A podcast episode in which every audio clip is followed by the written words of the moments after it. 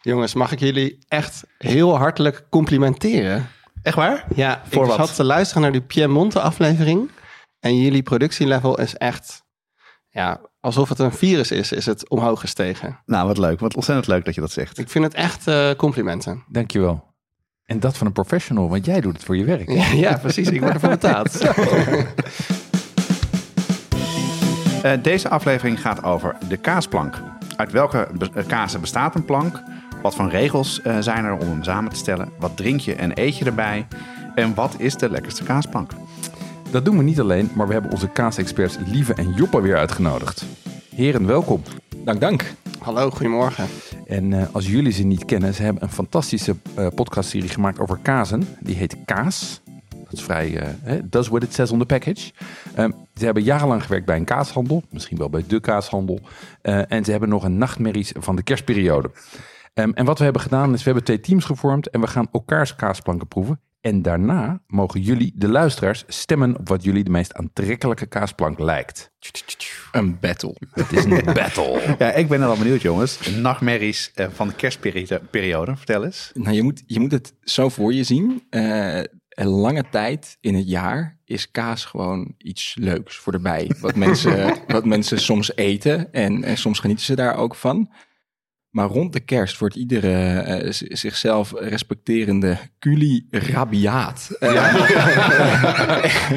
en, en staan de mensen in, in, in, in drommen ja, tot, het, tot het einde van de straat te wachten op kaas. En het moet perfect zijn. Want je zou toch maar een niet perfecte kaasplank hebben met de kerstdagen. En, eh, en dat levert een bepaalde spanning op die, die, die uitstraalt richting medewerkers van zichzelf Zeker, respecterende kaaslokalen. Mm. En, Ja, wat heel Verbal vaak abuse? gebeurt.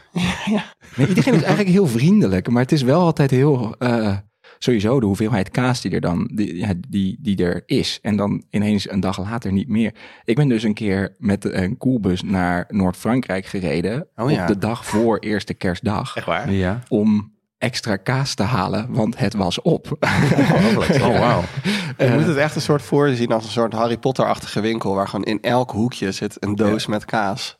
de diepste spelonken. En het, en het is, eh, je, je knippert met je ogen en mensen staan er zielsgelukkig mee buiten. En eh, soms is ook vaste klanten en die zijn vaak heel relaxed. Maar soms ook mensen die een enorme boodschappenlijst hebben. En die zijn dan vaak een beetje, eh, nou ja, misschien ook onderdeel van wat we vandaag gaan vertellen. Dat die, die, die spanning die mag er wel af. Ja. Ja. Of het allerergste is als dan mensen staan heel lang in de rij, vooral als je niet op tijd genoeg je kaas gaat halen. Dat is dom. Je kan het gewoon makkelijk een week van tevoren halen. Maar dan vooral op kerst, de 24ste, Ja, 24 december. dan eh, komen mensen en die gaan dan echt. Staan ze al heel lang in de rij en dan zijn ze eindelijk aan de beurt. En dan gaan ze een hele kerstmenu uitleggen. Alsof jij dan snapt welke kazen daar dan bij moeten. En dan, ja, dat is gewoon. ehm, En dan zeg je, doe, Bikkelen. doe maar een brietje, een port salut en een... eh, Ja, en- zoiets. Nee, niet een brietje. Speciaal voor Joppe een eh truffelbrietje. Ja. Oh ja. Oh, heerlijk. Mm. Hey, maar Joppe, Ik, ik, eh, onthoud, ik onthoud mij van commentaar. jongens, het- kijk, dat wachten op die kaas is natuurlijk lastig. Maar wat ik nog veel lastiger vind, is het wachten op seizoen 2 van de kaaspodcast. Mooi bruggetje. Hoe staat het daarmee? Eh, Lief en ik hebben het hierover gehad. Eh, life got in the way. We hebben, we hebben een aantal plannen om, eh, om, om voor te bouwen op, eh, op eigenlijk alles wat wij leuk hebben gevonden in het, in het eerste seizoen. Maar dat dan in een vorm te gieten die voor ons te combineren is met, eh, met levens waarin het een en ander gebeurt. En dat, eh, dat bleek deze zomer een brug te ver. Ehm, maar we zijn nog wel stellig van plan om het, het, het Kaas, de podcavontuur voor te zetten. Ja, Ja. Seizoen 2 komt eraan. Ja, we zijn ermee bezig, maar we willen onszelf natuurlijk overtreffen. Eh, Ah. En dat is gewoon lastig. En Job heeft een huis gekocht en ik moet ook de hele tijd de huur blijven betalen. En vooralsnog brengt dit niet heel veel geld op. Nee.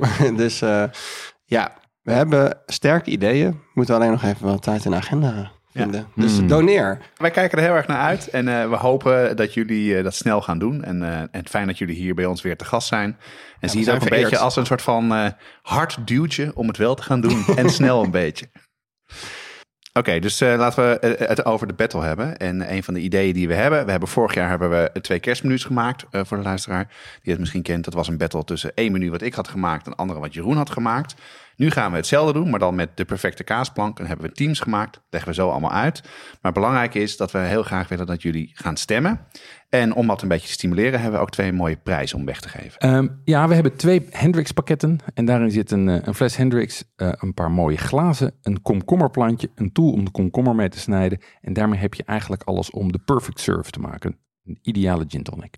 Maar heel even, Jeroen, voordat we met de kaas eh, aan de slag gaan, laten we heel even hebben over wat we culinair hebben uitgespookt. Wat heb jij gedaan de afgelopen tijd? Ja, ik ben een aantal weken geleden naar Andalusië geweest. Eh, een eh, uitstapje daarheen gemaakt, een week die kant op. En eh, dat was fantastisch qua eten weer. Dat, is, blijft een van de mooiste regio's om, om vis te eten. Ehm, wat ik daar heb gegeten zijn alistados. En alistados zijn wat mij betreft de allerlekkerste garnalen van de hele wereld. Je kent wel de carabineros, die hele grote Ja, rode, waar iedereen zeker, altijd... Alistados zijn nog lekkerder. Oh, kijk Die zijn echt, ja, die zijn, die zijn echt een soort van tranen in je ogen zo lekker. Ehm, dus die heb ik daar gegeten. Ehm, daarnaast hebben we daar natuurlijk sherry gedronken, want dat is de sherry-regio. En die vind ik daar dan dus ook lekker. Oké. Hier in Nederland pak ik hem niet zo gauw, maar daar is het heerlijk. En wat wel interessant was, want ik had een, ehm, een goede vriend van mij die was mee en die had besloten dat hij vegetariër werd. Dat is een heel slecht idee Ja. in Zuid-Spanje. ja, daar kregen we echt een soort van jaren zeventig vragen van... ja, maar wat eet je dan wel? En dus dat was heel... eh, dat was ontluisterend ja? om te zien. Ja, nee, da- da- daar konden ze echt helemaal niks mee. Dat Nee? was opvallend. Nee. Mooi. En verder? Ehm, verder heb ik eh, heel, eh, heel banaal mijn over laten reinigen. En daar ben ik helemaal blij mee. Laten reinigen. Laten reinigen, ja. ja ik, eh, er was een tip van, van Francesca Kookt. Die heeft een bedrijf dat heet, of die, die introduceerde hem bij mij, mij bij een bedrijf dat heet Ovenclean. En die komen je oven echt zo reinigen dat hij er weer uitziet als nieuw. Mijn, mijn, oven is, mijn oven is natuurlijk tien jaar mishandeld met Ja. bakstenen erin. En de uren door voor verwarmen tot 280 graden. Die is, heeft echt pijn. En die hebben ze gewoon zo weten te doen. Die ziet er gewoon weer uit als nieuw. Helemaal nieuw. dus die top. komen voor met een auto, met een bad, met reinigingsmiddelen. En daar gooien ze al je onderdelen in. Ze halen hem half uit elkaar. Ze halen de deur uit elkaar. En vervolgens boenen ze hem schoon. En die is echt om door een ringetje te halen. Oh, wow. Dus er ook een nieuw eh, rubber ringetje omheen? Of, eh? Nee, dat, dat kan wel, maar dat doen ze alleen als hij, eh, als hij vergaan is. Maar je kan een nieuw rubber ringetje doen. En, maar ze halen wel bijvoorbeeld de achterwand eruit. Ze maken ook de ventilator schoon. Ik vond het echt briljant. Nou, goede tip. Want ik dacht, ik koop een nieuwe oven. Maar nu heb ik zoiets van, nou, die kan weer tien jaar mee. Nou, mooi. Ja. Maar Dus wat kost dat en hoe lang duurde dat? Ehm, da- daar zijn, daar zijn ze, de- ze waren bij mij met twee ovens en een fornuis en de afzuigkap waren ze ongeveer drie uur bezig. Mhm. En dat kost ongeveer 200 euro inclusief voorrijkosten. Ja, dat is beter dan een nieuwe oven, toch? Dat was mijn afweging Duurzaam, ook. En duurzamer, goed, ja. ja. Dus eh, daar was ik helemaal blij mee. Wat heb jij uitgespookt, eh, Jannes? Ja, ik ben ehm, ehm, bezig geweest met eh, pasta carbonara. Eh, het, het pasta recept wat veel mensen wel kennen. Eh, dat kwam eigenlijk omdat eh, een van onze brigadeleden, Rick-Jan Posma, hij is eh, slager. Mhm. En ik zag dus op onze online kookclub, zag ik dat hij dus net Giancana gemaakt had. En dat is wang van, van het varken. En dat is op een bepaalde manier gemaakt. En daar maak je dus de pasta carbonara mee. En dat is best wel moeilijk om aan te komen. Dus, eh, en hij had eh, wat voor ons opzij gelegd. Dus dan dank je wel, eh, Rick-Jan, daarvoor. En daarbij heb ik dus gezocht naar het ultieme, meest originele pasta carbonara gerecht wat er is. Mhm.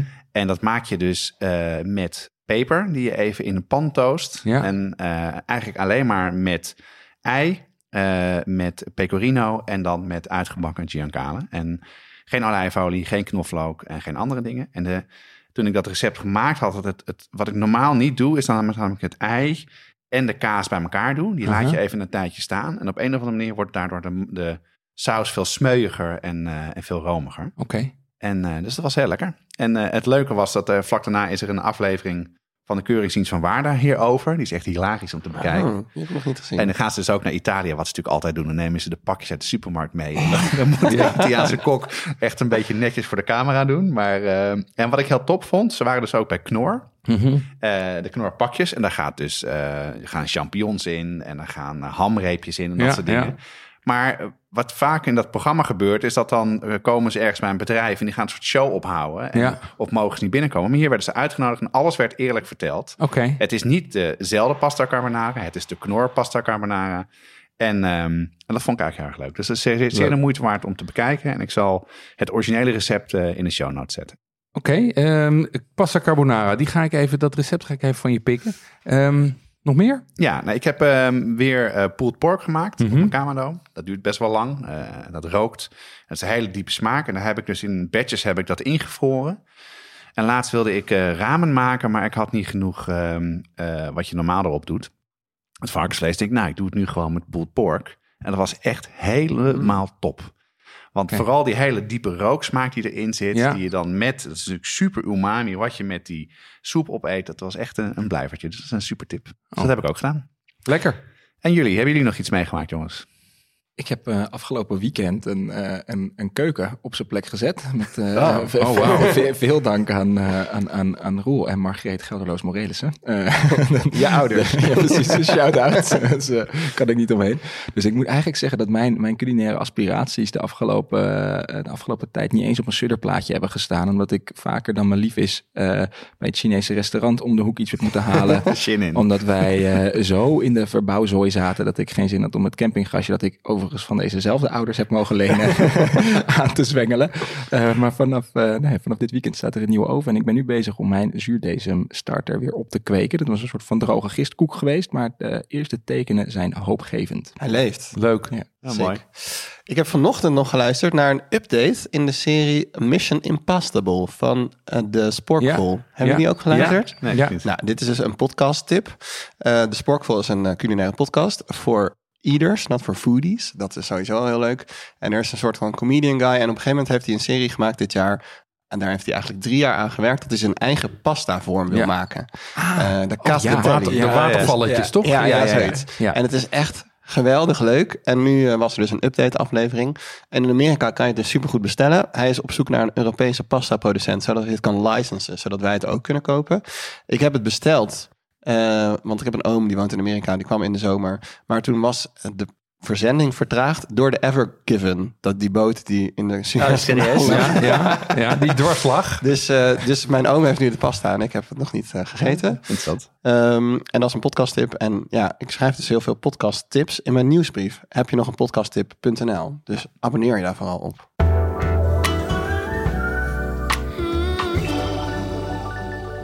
Eerst nog even dit. Eh, het hart van Watschap de podcast is De Brigade. Dat zijn onze vaste luisteraars. Zij maken de podcast mogelijk en hebben toegang tot onze online community, brigadeaanbiedingen en winacties. Op www.watschapdepodcast.nl en aan het eind van deze podcast vertellen we er meer over. Goed, de battle, eh, de kaasplank. Ehm, Jeroen, waarom wilde je het hierover gaan hebben? Ehm, ja, dan gaan we eens even beginnen met een quote. Eh, Nice. un, un dessert sans fromage est une belle à qui il manque une œil. Oftewel, een dessert zonder kaas is als een schoonheid die een oog mist. Ehm, dat zei Bria Savarin, een van de eerste culinaire schrijvers. Niet Eh. oh, heel open-minded van deze man. Nee, ook, ook niet heel woke, hè? Nee, nee, nee. Maar, maar wel heel waar. Ehm, dus ja, ik ben gewoon een groot kaasliefhebber. En ik, als ik aan het, net als eh eh, Jannie, eh, als ik kan kiezen tussen een zoet dessert of een stukje kaas, neem ik een stukje kaas. Ja. Ehm, maar ik merk wel dat het zelfs, ik bedoel, ik denk dat ik redelijk wat kazen ken, maar ik worstel toch ook altijd met wat gaan we erop leggen? Hoe stel je zo'n plank samen? Ehm, welke kazen kies je dan? Want als je bij de kaaswinkel staat, bijvoorbeeld bij een van die winkels waar jullie hebben gewerkt, is het een overdonderend aanbod van kazen die visueel op elkaar lijken, maar totaal anders smaken. Ook heel veel verschillende visueel. Maar ik bedoel, je kan ook heel veel kazen zijn natuurlijk gewoon wittig. En dan denk je, ja, wat, wat is het eigenlijk? Ehm, en ehm, het- daarnaast is het natuurlijk gewoon, nou ja, het komt de kerst er weer aan. En is het gewoon hartstikke goed om te weten hoe je dan een kaasplank maakt. Dus daar wil ik het graag over hebben. Ja, dus wat gaan we doen? We gaan zowel kazen proeven en tussendoor, tussendoor veel uitleggen over hoe je dus zelf een kaasplank kan maken voor kerst. Even, even naar jullie jongens. Eh, jullie hebben een, eh, een podcast gemaakt met, daarin, waarin vijf soorten kaarten of kaas worden besproken.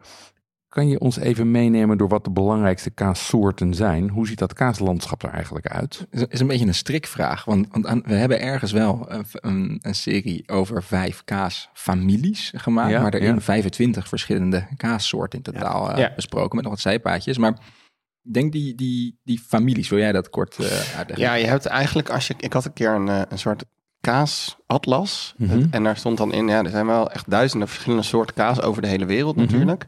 Maar als je het kijkt vanuit een westerse bril, zijn er eigenlijk zeven families. Oh, Eh, wij hebben er vijf gekozen, omdat de eerste familie is de verse kaas. Dus dan heb je mozzarella, ricotta, dat soort dingen. Dat is niet heel spannend op een plankje vaak, dus die hebben we even laten vallen. Mhm. En we hebben twee samengevoegd. Dus je hebt harde kaas en half harde kaas. Ja, dat hebben we gewoon in één aflevering gedaan. En dan kom je uit op vijf. En dat zijn? Het zijn eigenlijk, eh, ja, eigenlijk recepten. Dus hoe je een kaas maakt. Ja. En dat geeft dan een bepaalde vorm aan de kaas. Nou, daarbinnen kan je dan nog weer heel veel doen. Nou, dat hebben we in elke aflevering wel uitvoerig besproken. En die vijf, dat zijn dan dus eh, geiten, dan wel schapenkazen. Eh, smaakprofiel lichter, frisser, tot een eh, peperig pittigje. dat, dat, Meer zuur. Eigenlijk vooral. ga je daar dus al de mist in. Zelfs binnen één zo'n familie kan het qua smaak alle kanten op. Dus eigenlijk alles om, om, om kaas in te delen in families is een heuristiek die alleen maar afleidt. Toch voor de mensen die dit wel willen weten. eerste, eerste groep zou je geiten en schapenkazen kunnen noemen. Daarna de witschimmelkazen, dan de roodflora kazen, dan de harde, dan wel halfharde kazen. En tot slot de blauwe kazen. Ja. En dit is een heel klassiek eh, verloop wat smaakintensiteit betreft. Waarbij ik iedereen zou aanmoedigen om zoveel mogelijk zelf te proeven. En daar waar je dat wil, eh, van af te wijken. Mhm. Ja, en wat jullie in een podcast gedaan hebben, is je pakt één zo'n familie. Daar hebben die vijf kazen uitgekozen. En die proeven jullie en daar vertellen je een verhalen over. Zodat je dus eigenlijk door die podcast te luisteren, eh, ben je geïntroduceerd aan tot 25 kazen. Mhm. Waar je dan eh, wat beter een kaasplank kan maken. Ja. Toch? Dat is, eh, zo kan ik het zo En we gaan ook langs bij makers en hebben Ja, zelfs precies. geprobeerd zelf een kaas te maken. Ja, dat maar waar, hoe ja. dat is afgelopen, dat hoor je in aflevering drie. En we bespreken dat natuurlijk met, met onze culinaire helden. dat Zeker, was ontzettend leuk om daar met, eh, met dit verhaal aan te bellen. En eh, te horen hoe enthousiast iedereen dan was om mee te luisteren en mee te proeven. Ja, en ik moet zeggen, ik heb door die podcast wel een paar kazen ontdekt. Zoals de Hansje, die nu Fransje heet volgens mij. Klopt, hij wordt inmiddels gepasteuriseerd. Ja. En, En, we eh, terug. en, eh, en in een van de, de, de blauw eh, schimmel afleveringen heb je het over een kaas in België. En eh, die heb ik een keer gehaald. En ik ben niet een enorme fan van blauw schimmel. Dus ik ben heel benieuwd wat op de plank van Jeroen en Joppe ligt. Oh ja, ik ook. Ehm, eh, maar dat vond ik echt heel erg lekker. Dus eh, voor iedereen die die serie niet kent, zeer aan te raden. Helpt je naast het luisteren naar deze aflevering ook heel erg over het samenstellen van een kaasplank. Die laatste kaas was de Achelse Blauwe. Oké, dus eh, laten we dan eh, een stap verder gaan. Dus laten we het gaan hebben over hoe je nou die kaasplank moet samenstellen. Ik hoorde van Joppe al dat er dus heel veel smaakprofielen zijn. Dus, eh, maar we moeten het proberen een beetje te versimpelen. Sorry jongens. Joppe, kan jij een beetje de belangrijkste regels van een goede kaasplank samenvatten? Een goede kaasplank heeft een aansprekend verloop in smaken en structuren. Dus zorg dat je variëteit hebt in structuren, zacht en smeuig, maar ook wat harder, wat brokkeliger. Eh, maar ook in smaak, wat frisser, eh, opbouwend naar pittiger, krachtiger. Waarbij eigenlijk de belangrijkste regel is dat wat je vanaf daar doet past bij wat je onder de kurk hebt en bij je humeur en wat je verder eet. En dat je je dus niet te veel moet laten afleiden door stelregels in het kaas maken of kaas eten. Andere belangrijke regel, regel waar je wel echt niet omheen kan, is eh, eet kaas die rijp is. En op Mhm. het moment dat je daar, we zullen daar denk ik straks nog over komen te spreken, maar belangrijkste tip, zeker als je je, je teen in het koude kaaswater komt steken, is dat je dat gewoon aan je kaasboer vraagt. En op het moment dat de kaasboer je dan eh, blij maakt, dan kom je bij die kaasboer terug. Op het moment dat je kaasboer je dan teleurstelt, dan ga je naar een andere. Eh, dat zijn denk ik de belangrijkste regels. Ehm, dat verloop, dat is natuurlijk voor iedereen persoonlijk. Dus ik denk dat het, het begint, denk ik, bij, bij proeven. En, eh, nou ja, en, en om je op weg te helpen in dat proeven, hebben wij natuurlijk hier ook een paar suggesties ge- gedaan voor een goede kaasplank. Lieve, we hebben, het, we hebben het over kaasregels. Het zijn natuurlijk niet echt regels, want je mag doen wat je wil. Maar zijn er nou, laat ik zeggen, is er kaasetiketten of kaasmores waarvan je zegt, nou, dat zou ik nou eens niet doen? Eh, te veel kaas, dat Mhm. is eh, een veelgemaakte fout. Dus Ja? mensen, Ah, ja? vooral met kerst kopen mensen echt bakken, ik doe het zelf ook hoor, bakken vol met kaas. Ja, En ja, dat, meestal gooi je ook weer een heel groot deel weg. Dat is zonde. ja. Wat is te veel? Hoeveel? Wat, wat zo, ja, hoeveel je mikt plank rond, eh, als het een dessert is, is rond de 75 gram per persoon. Oké, Dus totaal. dat is echt heel weinig. en, ja. en hoeveel verschillende soorten zou jij dan doen? Nou, altijd een oneven aantal. Ja? En dan kan je tot en met 7 gaan, maar dat, eh, dat slaat echt nergens op. Ehm, ik doe meestal drie of vijf. Ja. Dus, eh, en nu hebben wij gekozen voor drie, gewoon om het een beetje compact te houden. Anders zaten we hier over twee uur nog. En dan kun je eh, beter één echt goede kaas kiezen dan drie matige. En Ja. beter drie goede kazen dan vijf matige. Dus Ja. je- ja, één, één goede kaas kan op zichzelf staan. Dat is ook wel een belangrijke Ja. les. En dan, eh, en dan eh, eh, Melba-toastjes erbij en een glaasje port, toch? Kaas op toast, hè? Potje, met een beetje weg te portje, spoelen. echt kap, fuck met die port. Waarom dan? ja, het is gewoon veel te intens vaak voor veel te zoet. Dus, en ook, ik vind zelf vaak van die prutjes erbij, dat is alleen maar om het wat zeg maar, te dempen bijna. Eh, dat het, maakt het niet mooier in alle gevallen. En wat zijn prutjes dan? Ja, eh jammetjes, gekkigheid, stroop, bla, bla, noem maar op. Dat- ik snap ja. wel dat het wordt erbij geserveerd. Gewoon omdat als het te heftig is, kan je het als een soort plusmiddel gebruiken. Maar ik ben er zelf niet zo fan van. En wat ook niet de bedoeling is, is dus die melba toast. Of dat je gewoon lekker broodjes gaat smeren. Want dan zit je super snel vol. Ja, en, en, en Dus maar... dan heb je eindig weinig kaas en dan zit je een heel brood te eten. En ja. brood, brood en crackers die zijn, zijn wel goed om ernaast te hebben, maar vooral om je palet te reinigen. Ja. En om, eh, je neemt dus een hap kaas en dan een, een hapje brood. Ja, en, en het is toch ook zonde dat als je het op een toastje eet, dat je de structuur van de kaas eigenlijk helemaal niet proeft. Want je, maakt het eigenlijk alleen maar het toastje. Ja. Ja. Ja, melba toastje. Zo'n rul verhemelte. Dat wil je niet. Die gaat, die gaat de prullenbak Misschien nog wel als toevoeging over, die, over de zoete prutjes. Is dat, ik moet nu denken aan die Fisherman's Friend reclame. Dat als je, als je, als je echt behoefte hebt aan een prutje naast je kaas. eh, if it's too strong, you're too weak. Bam. Oké, dus de battle jongens. Laten we gewoon gaan proeven, want eh, ik heb al eh, trek erin. Daar hadden we een paar regels voor opgesteld. eh, om in ieder geval twee kaasplanken te maken die eh, we naast elkaar kunnen proeven. Wat we in ieder geval gedaan hebben, hebben we twee teams gemaakt. Ja, dat is het team eh, Jonas en Lieve en het team Joppe en Jeroen. Team Ehm, Technisch en Team Bril. Ja, ja, inderdaad. Team technisch. Ja, inderdaad, ja. Ehm Met van die, met van die ja, pocketbeschermers pas toch ook? op, Ja. ga ik in mijn hoofd heb over jullie. Maar dat doe ik niet. Ehm, we hebben drie kazen gemaakt, eh, gekozen, die, eh, eh, die Lieve al zei. En, en we weten dus niet van elkaar wat we gekozen hebben en, eh, en gaan dat proeven. Dus ik denk dat we gaan beginnen. Wil je nog iets toevoegen? hebben- Nou, we hebben wel een beetje gemikt op dat het echt binnen het kerstmenu past als een dessert. Ja, dat is waar, ja. Dus het is gericht op na het hoofdgerecht, eh, Ja. voor het toetje, op Ja. de Franse manier. En, eh, en daar ook over nagedacht, eh, ook qua wat je erbij drinkt, toch? Dat is ook een van de belangrijke dingen, wat Joppe net zei. Dus zullen we beginnen? Zullen kom wij, maar eh, door, jongens. onthulling gaan doen? En jullie weten ja, dus ja. niet wat wij hebben gekozen. Nee. Dus Ik vermoed Coulommiers. Het zou kunnen dat Achelse Blauw erbij ligt.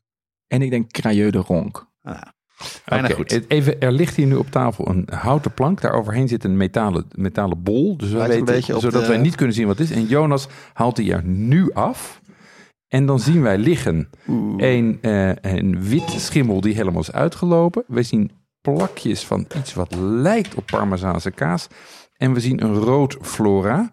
ehm, die ook is uitgelopen. En er liggen wat oude druiven bij die Jonas van de fruitschaal thuis heeft meegenomen. willen, jongen. Is die, is, is die, is die Parmezaanse kaas geen oude geit? Maar goed, dit is eh, Oké, wat er we- ligt. Ja, wat denken jullie? Dus als eerste, Joppe, denk jij? 100 punten voor Joppe. Ja? Coulommiers. Ja. En Dat tweede, denk je? Knotshemeltje rijp, mag gezegd mensen. Ja. Eh, ik zeg eh, oude geit. Ja? En dat is een époisse. Ah, een goed. Tien een, punten. eh, een, een gepasteuriseerde als mijn oog maar niet bedriegt. ja, het is helemaal goed. Nou, laten we gaan proeven. Ja. Dat is wel een groot stuk. maar Eentje hiervan dan nog, zo zou ik zeggen. En een toepetypeu van deze. Ik heb dus ook Oh. nagedacht over oude geit. Ik heb Ja, en? En wij hebben ook nagedacht over époisse. Kijk. We allebei te ordinair. Oké, steek, steek. Oké, dan ga ik het zeggen ook. Shot Team en Jeroen zijn de snops met grote verhalen. Ja, we hebben ook Wij wel... zijn de snops met goede verhalen. Oh ja, oké. Nou, Wij hebben ook goede Kom, verhalen en we hebben een, eh, een idee. Maar gaan we eerst proeven? ga jij vertellen wat... er- Misschien is het goed om even te vertellen hoe we het hebben aangepakt, hè, lieve. Dan kunnen zij Ja, de- wat, de wat is jullie maken. gedachte? Je hebt natuurlijk heel veel kaas om uit te kiezen. Dus we hebben bij elkaar gezeten. En eigenlijk was Jonas vrij stellig in de époisse. Ja, dat vind ik lekker. En hij houdt niet van blauwe kaas. Dus toen dacht ik, oké, dan wordt dat het einde. Eh, en toen dacht ik, nou, als we Jonas' favoriet mogen doen, dan mogen we ook mijn favoriet doen. En dat is, zoals Job al goed had, de Coulommiers. Ehm, en toen dachten we, ja, we moeten toch echt die structuur gaan aanpassen. Want ja, het, zijn twee zachte kazen, de Coulommiers en de Epoisse. Dus toen hebben we een harde kaas ertussen gedaan. Ehm, en daarbij hebben we gedacht aan dat we ook een andere soort melk willen gebruiken. Dus Epoisse en Coulommiers zijn van koe. En de oude kaas die er ligt is oude geitenkaas. Ja. Dus laten we eerst even proeven. Zeggen jullie wat je ervan vinden. Of je, en probeer ook even de smaak te omschrijven. En dan eh, Ehm, Waar beginnen wij mee? met, we beginnen, wat denk je? Ja, Ik denk dat we met deze beginnen. Ja, zeker. deze is de Coulommiers. De. Coulommiers. Eh, zal ik dan... eh, Ja, die, die ziet er voor de, voor, de, ehm, eh, voor de luisteraars, die ziet eruit een beetje als een camembert, zeg maar, qua kleur en omvang. Loopt wat leeg. Wit, eh, het gezicht schimmel. en eh, eh, is, eh, en is bu- buitengewoon rijp. Dus ik ben heel benieuwd. En wij eten hem met korst. Want Tuurlijk, dat is ook tuurlijk. wel Ja. een van de dingen die ik heb opgepikt uit de, de kaaspodcast. Dat je eigenlijk altijd de korst eet, tenzij het echt niet kan. Ja, hoe kom je daarachter? Altijd de korst eten. Nee, ja, kijk, we hebben ook een overkoepelend verhaal bij deze plank. Want jullie zeggen, dit zijn ordinaire kazen. Wij noemen het crowd pleasers. Ja, dat is wel waar, ja. Hè, dus het is eh, als je je hele schoonfamilie straks met vier mensen over de vloer hebt, dan, eh, dan moet je wel een beetje, ook een beetje toegankelijk, maar het moet ook een beetje uitdagend zijn. Eh, en het is ook een beetje in het thema van de persoon wie we, wiens geboorte wij altijd vieren met kerst, namelijk Jezus. Dus alle kazen hebben iets met Jezus. De Coulommiers is eh, eigenlijk een brie, maar het mag niet brie genoemd worden. Als in, hij heeft geen beschermde oorsprongsbepaling. Eh, dat hebben alle bries wel. En daarom mag deze overal gemaakt worden en wordt het ook vaker gemaakt. Maar deze komt wel echt uit het gebied eh, rondom Coulommiers. Coulommiers is eigenlijk een stad in het midden van het Brie-gebied. En dat is dan ten oosten van Parijs. Eh, en daar staat een hele grote markt. En daar worden alle bries verhandeld. Ehm, deze is dus, en daar gaat een beetje een verhaal over. Hij is heel bekend geworden, las ik in een boek, tijdens de World Fair, of de Paris Expo in 1878. Ja? Maar het recept is ouder dan die van de meeste bries. Dus dit is de OG brie. En alle bries die daarna kwamen, dat zijn de apostelen van Jezus. Mooi. Kijk, Ja. mooi. En wat ik heel leuk vond, eh, is dat dit was dus de favoriete kaas van, eh, van Lieve. En ik ben een enorm fan van eh, zowel brie, maar vooral camemberts. Dus ik was hier heel blij mee. Ik ga even de wijn inschenken. Deze zit dus ook wat smaak betreft, zit hij een beetje tussen brie en camembert Ja, in. dat viel mij ook op. Echt ontzettend zacht, zalvig, romig. Ietsjes een knisper in de, in de korst, maar bijna niets. En eh, over de smaakbeleving gesproken, ik eh, ging dus researchen en ik zat ook even in mijn mailbox te zoeken. En toen kwam ik tegen het proefwerk wat wij voor Kev moesten doen. Kan jij uitleggen wat dat is, Joppe? Ehm, idee van die eerste dag is dat je een kaasplank mee naar huis krijgt. En dat je dan contact zoekt met de mensen achter de zaak. En, eh, eh, en, en vertelt wat je hebt geproefd en wat je ervan hebt gevonden. Eigenlijk als een soort van, ja, noem het een examen of noem het vooral eventjes kijken wat voor vlees ze in de kuip hebben. Kun je iets met smaken? Kun je iets Mhm. met kazen? Heb je, heb je daar feeling mee en kun je daarover vertellen? Kun je daar iets over delen? Dus je moet het eh, kunnen verkopen. En ik vond dus in mijn proefplank, dus de eerste dag dat ik bij Kev werkte, daar zat dus de Coulommiers op. En die heb ik als volgt beschreven. Dus dit was de eerste keer dat ik hem beschreef. Dit is echt een beetje het, het terug, het teruglezen uit eigen werk. werk, Ja. Ja. In de categorie brie zou ik deze Coulommiers omschrijven als eentje in de gevorderde. Als je niet van brie houdt, zal je deze zeker niet aanstaan. En vice versa. Uiteraard qua structuur creamy, wel aan de zure kant, maar dat is juist lekker. Vooral de nasmaak is interessant, omdat hij zich steeds lijkt op te bouwen. Eigenlijk proeft het zoals een klooster ruikt. En bovendien doet het eten van de kaas mij direct denken aan vakantie in Frankrijk met mijn ouders. Toen vond ik dat nog vies. Oh, mooi. Een Ja. round character ben je. Ja. Ja. Nee, ik, de- heel herkenbaar. En ik, eh, als ik hem zo proef, is dat ook precies mijn smaakbeleving. In dat in tussen, tussen brie en camembert. Mooi romig. Eh, eh, heel eh, Frans. Brie, maar wel met iets meer, zeg maar. Het is niet dat, eh, dat puntje president die, eh, die je even in je, in je wagentje gooit. Ja. Nee, nee, maar dat is echt wel een belangrijk verschil. Dus ik, vond hem, ik vind hem erg lekker. Ja, en ik vind, wat ik er fijn aan vind, is hij, is, hij heeft best wel een, een, een geur die je verwacht bij, bij camemberts. Ehm, maar de smaak is wel wat milder. En eh, niet super zout, niet super heftig. Dus ik vind het een hele lekkere kaas om mee te beginnen. Ik vind ook de structuur heel erg fijn. En ehm, toen wij ehm, hiermee bezig waren, was ook de uitdaging om een drankje bij te zoeken. Mhm. Dus wij hebben onze kaasplank doorgestuurd aan, eh, aan Okhuizen. En eh, die hebben ons geholpen met een selectie. En we hebben meerdere wijnen geprobeerd. eh, ter voorbereiding, hè, lieve? Dozen. Ja. Ja, nou, een paar werkten dus echt niet. Dus Mhm. we hebben een witte wijn geprobeerd. Ja, dat was toch een hele lekkere wijn. Maar in combinatie met de kaas ja, viel die een beetje weg. Eh, en toen hebben we om deze wijn uitgekomen. Dus eh, voor jullie staat een glas rode wijn. Mm. Eh, dus misschien eerst even proeven. Met de kaas erbij. Jeroen gebruikt de, Jeroen spuugt het uit. de onzichtba- onderzichtbare stolp als spuugbak. Heel goed. Hij is met de auto. Ehm, ja, lekker. Een, eh, ik, ik zie hem ook staan, het Ribera del Duero. Je proeft het. Hij heeft, een, ehm, eh, eh, hij heeft, hij heeft iets zwoels, iets zoets, maar ook nog wel wat, wat lichte tannines. Ehm, het is een stevige wijn. Het is een erg, eh, eh, erg lekker en toegankelijk, ja. Ja, wat ik er lekker aan vind is dat hij dus eenzelfde soort geur en best wel flinke neus heeft. Dus eh, ook goed tegen de, de, de, de kazen kan. Ehm, en dat hij ook iets zuurs heeft. Want daar ben ik wel achter gekomen dat de drankjes die je hebt, die met kaas goed gaan, dat dat zuur echt wel heel belangrijk is. Dan, eh, Wat ik interessant vind in deze wijn is dat je, als je een rode wijn naast Coulommiers of Brie of, of Camembert eet, dat het, het gaat soms goed. In dit geval buitengewoon goed zelfs.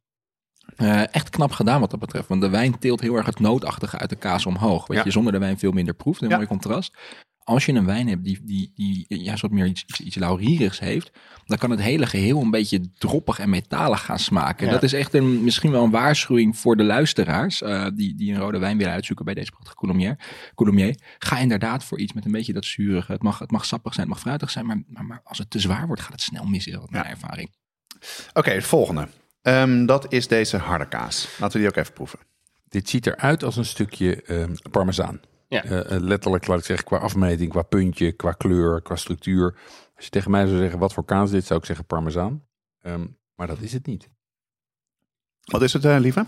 Het is eh oude geit. Nee, het is extra belegen. Ik heb het nog even gecheckt. Dus het is niet oude geitkaas. Dat moet hij ouder zijn dan een jaar. Extra belegen is vanaf 10 maanden. Ehm, en het is eh, van kaasmakerij Boy. Dat zit in Streefkerk. En het is geen boerenkaas, maar een burenkaas. Wat Dat- betekent dat dan? Ja, dat betekent als je een boerenkaas wil maken, moet je melk hebben van je eigen boerderij. Maar zij hebben helemaal geen dieren. Dus zij maken eigenlijk alleen maar burenkaas met melk uit de buurt. Ik heb even gekeken op Google Maps. De, de, het is de geitenfarm Hoeve Zomerlust waar de geiten wonen. En dat ligt 3,5 kilometer eh, verderop in de straat. Dus het is letterlijk de buren. En daar maken ze dus deze kaas mee. Ehm, en eigenlijk was mijn vraag bij dit soort kazen... Vooral de goudse, dus echt zo'n groot wiel. En dan meestal zit er een zwarte band omheen als het overjarig is met geitenkaas. Om het te onderscheiden ook van de buitenkant. Of dat nou iets typisch Nederlands was. Wat denk jij, Joppe? Grote ronde kaas? Ja, van geit? Nee. Ja, ik heb dus eh, even gezocht en ook kaasmakers gebeld. En volgens hen is toch wel echt Nederlands eh geitenkaas op een goudse manier maken. Gebeurt bijna niet in het buitenland. Je hebt gewoon niet grote wielen, harde geitenkaas die heel lang wordt bewaard. In Frankrijk allemaal vers gegeten. Spanje ook. Je hebt wel wat kleine pecorino-achtige kaasjes eh, die dan ook met geitenmelk worden gemaakt. Maar dat is echt een uitzondering. Maar ik heb even uitgezocht hoe dat komt. Want een geit geeft minder melk, dus ongeveer 3 liter, waar een koe 10 liter geeft. En de veestapel in Nederland van geiten is sinds eh, 1990, dus dat is bijna mijn geboortejaar, eh, is die van enkele duizenden naar 655.000 geiten gegroeid. Dus dat is echt heel veel. Ik heb een grafiekje op de CBS-site gevonden. Het is alle andere dieren gaan naar beneden over de loop van tijd. En nu is het dus echt eh super groot. En dus is het logisch dat wij ook gewoon genoeg geld, melk hebben om die grote wielen te maken. Want je moet je voorstellen dat in zo'n kaas moet ongeveer tien keer zoveel melk qua hoeveelheid die je nodig hebt om het te maken. En wat jij zei, kijk, we hebben hier over gehad. Hè, we wilden dus qua tweede kaas eh, een contrast hebben. Wat brokkeliger, wat harder zijn. En je zei, ik wil heel graag geit doen. Omdat mensen kennen dat waarschijnlijk niet. En het is ook wat zoeter en wat zuurder. eh, en ik vond het echt een fonds. Ik weet niet wat jij ervan vindt, Jeroen. Ik vind, hem, eh, eh, ik vind hem erg lekker. Qua mondgevoel doet hij mij inderdaad denken aan parmezaan. Hij heeft, eh, vrij stevig en hij brokkelt. Ehm, daarna, als je hem wat langer eh, hebt, dan, bedoel hij is echt stevig. Hij is zout. Maar hij heeft ook nog een beetje dat rinsen van geitenkaas. En waar hij mij een beetje in aroma aan deed denken, is die groene kaas uit die schutpotjes van die Zwitserse, ken je die Zwitserse? Oh, ja, ja, ja, ja, dat is mijn moeder. Oh, ja. Nee, maar, nee, maar Heel niet, niet, niet ja. in een bad way, zeg Oh, maar. Dat, is een, dat, dat, dat aroma zit er een beetje in. In, in een guilty pleasure kind In of een guilty way. pleasure kind Ja. of way. Dus Ja. ik had een soort van retro gevoel naar, eh, Nou, dat poeier wat ik vroeger uit die gele potjes zo eh, Op je op, pasta. mijn boterham Ja, eh, schudden. Oh. ja. Pasta carbonara met crème fraîche. Ja, om, om Jonas. Eh, ja. Wat wij ook geprobeerd hebben is om er eh, iets bij te maken. Dus we hebben best wel lang eh, nagedacht en gezocht en uitgeprobeerd van wat eet je erbij. Dus wat je veel ziet is dat mensen zeggen je moet een noot bij eten of stroop of dat soort dingen. Dus een van de dingen die we geprobeerd hebben eh, is ge- gekarameliseerde noten. Eh dacht nou dat, dat is top, dat moet werken. En dat is helemaal niet lekker. Nee. Want eh, de notensmaak is ongeveer dezelfde soort smaak als de kaas. Het gevoel en smaak is, is gewoon te, eh, te veel hetzelfde. En dat zoete is eigenlijk ook niet lekker. Wat eigenlijk de, de winnaar was, was dat toastje. Dus ik stel je voor, neem even een stukje nog van de kaas en dan een stukje van het toastje. Ja, dit zijn, het zijn hele dunne crackertjes met een dikke laag eh, zonnebloempitten erop. Zuurdesem-crackers. Ja. En dat merkte dus dat het zure dus veel lekkerder bij de kaas gaat dan het zoete. Dus eh, deze hou ik erin. Hebben we ook een recept voor op de website. Dit is jouw recept, jongen. Die, eh, die maken we vaak. En dat En vonden kan ze- Joppe goed gebruiken, want het is van het overgebleven Ja. deel van je starter. Ah, Ja. Het, is- het is zuurdesem discard, zoals ze dat noemen. Ja. Overschot. Dat hoef je niet weg te gooien. En dat, eh, dat doe je gewoon in de ijskast. En dat smeer je uit op een plaat. Eh, doe je nog wat dingen bij. Het recept staat op de site. Binnen 10 minuten of zo, eh 15 minuten is het klaar. En kan je lang bewaren. Het is natuurlijk ook zuurdesem, dus het zit goed ook qua eh, houdbaarheid. En is, vind ik is echt een uitvinding voor bij de kaasplank. Goed idee? mhm. En goed bij de kaas. Ja, De dat laatste. was het belangrijkste. Ja. Dat is de epoisse. De knaller. Ja, ehm, ik zat nog even onze aflevering terug te luisteren. Aflevering 3 met Hiske. Daar proeven we deze ook. Maar daar hebben we één ding vergeten. En dat is de quiz. We hebben namelijk een quiz. Eh Joppe mag ook meedoen. Maar dat is vooral voor Jeroen. Ehm, we gaan drie dingen noemen. Ja. En eigenlijk klopt er maar één. Oké, drie uitspraken. Oh, wacht. Ik moet nog Drie vertellen. uitspraken van Hiske, wel. waarvan er, eh, waarvan er eh, maar één Ga je zo klopt. de kaas vertellen. Nee, niet van Hiske. Oh. Gewoon over deze kaas. Mhm. Eén. De kaas is net als Jezus opgestaan uit de dood. Dat is meer paasthema, maar oké. Eh, de kaas wordt gewassen met sterke drank.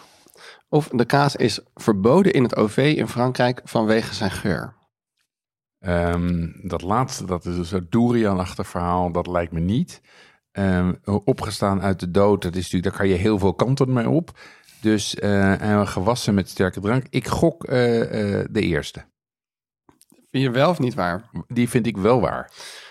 Ja, het klopt ook, maar er wordt ook gewassen met sterke drank. Het is een beetje ver gezocht. Ehm, de kaas, deze kaas was uitgestorven in de zin dat na de Tweede Wereldoorlog waren, of na de Eerste Wereldoorlog waren alle mannen eh, die de kaas maakten gesneuveld. En toen is een tijdje lang de kaas niet gemaakt. En toen hebben ze op basis van overlevering en oude recepten weer de kaas tot leven geroepen. Eh, de familie Berthaud, dus dat is de bekendste, dat is ook deze kaas die we nu eten. Ehm, en die hebben het weer goed gemaakt. En in 1992 hebben ze weer een, een keurmerk gekregen. Dus eh, ja, het is een soort zombie cheese. En als je hem proeft, is hij, ehm, eh, hij, is dus, hij ziet eruit als een, als een echt roodflora kaas. Dus hij is, hij is knaloranje van buiten. Zeg maar formaat, eh, ik denk een centimeter of 12 doorsnee. Hij loopt enorm. En als je hem eet, heb je een combinatie van eh, eh, die, die, die korst, die redelijk wat weerstand geeft. En die binnenkant is echt super zacht. Zeg Ja. maar Ja. bijna smeerkaasachtig zacht. Mhm. En dat is misleidend, want heel snel daarna komt er een heel sterk aroma overheen. Oh, ja. Met, met zowel enerzijds zouten en umami's. Ik voel nog steeds dat ik, dat ik, dat ik kwijl aan de zijkant eh, eh, van mijn mond. En daarnaast ehm, een, een, een redelijk stallige, bijna ammoniakachtige eh, aroma. Dus het is, een, eh, het is een soort van wolfs in schaapskleren. Ja. Hij, hij, hij komt heel zachtjes binnen en dan, eh, en dan komt er vervolgens een, een, een, een batterij aan tertiaire geuren achteraan die hem echt heel veel karakter geeft. Ook super lekker. Kijk, wat ik, het, eh, wat ik mensen wil aanraden, want de geur zou je misschien eerst afschrikken. Maar dat, zo smaakt hij niet. Eh, eh, zeker als je niet de korsten erbij eet en begint eerst met de binnenkant. En Joppe die, die kijkt me aan alsof ik... eh, Nou, nee, maar goed, voor mensen die hier eh, denken, nou dat doe ik niet. Ik zou, doe het wel. Doe hem wel als laatste. Eh, en je kan ook met een lepel eten. En eh, ik vind het dus echt een, eh, een topkaas. En de wijn blijft ook overeind. Wat Ja, een, Ja, ja, ja, wat echt, een prestatie is. Ja. Lekker. Ehm, En zelden ook dat iets zo'n krachtige smaak heeft en toch zo moorish is. Dat je, dat je er niet genoeg van krijgt. En je blijft dooreten. Ja. ja. Ja. Ik was Hey. nog vergeten te zeggen over de geitenkaas, het thema van Jezus. Oh ja. Eh, de buren is natuurlijk uh, naaste liefde. Oh, mooi. Het staat in de... Oh, wel heel veel. Mooi eh, hoor, ja. Ja.